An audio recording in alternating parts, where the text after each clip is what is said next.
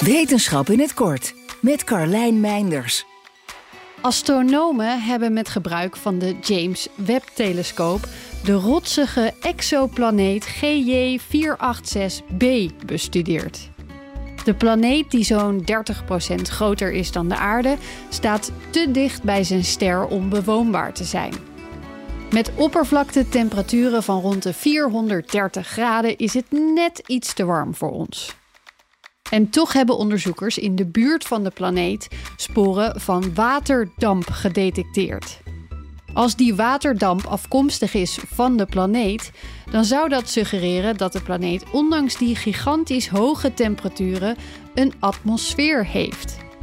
Eerder werd al wel waterdamp gevonden in de buurt van gassige exoplaneten, maar tot nu is er nooit eerder een atmosfeer rond een rotsige exoplaneet gevonden. Nou is het wel zo, zeggen de onderzoekers er meteen bij, dat de waterdamp ook van de ster kan komen en niet de planeet.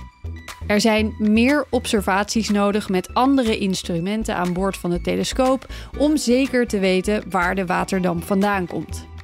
Als er echt een atmosfeer is, dan zou die waarschijnlijk constant gevoed moeten worden met stoom uit het binnenste van de planeet.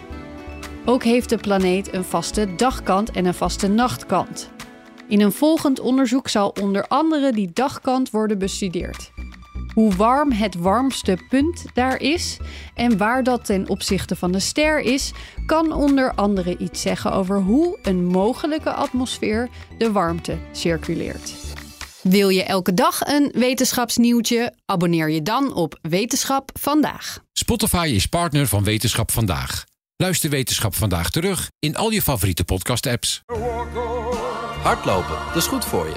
En Nationale Nederlanden helpt je daar graag bij. Bijvoorbeeld met onze digitale NN Running Coach... die antwoord geeft op al je hardloopvragen. Dus, kom ook in beweging. Onze support heb je.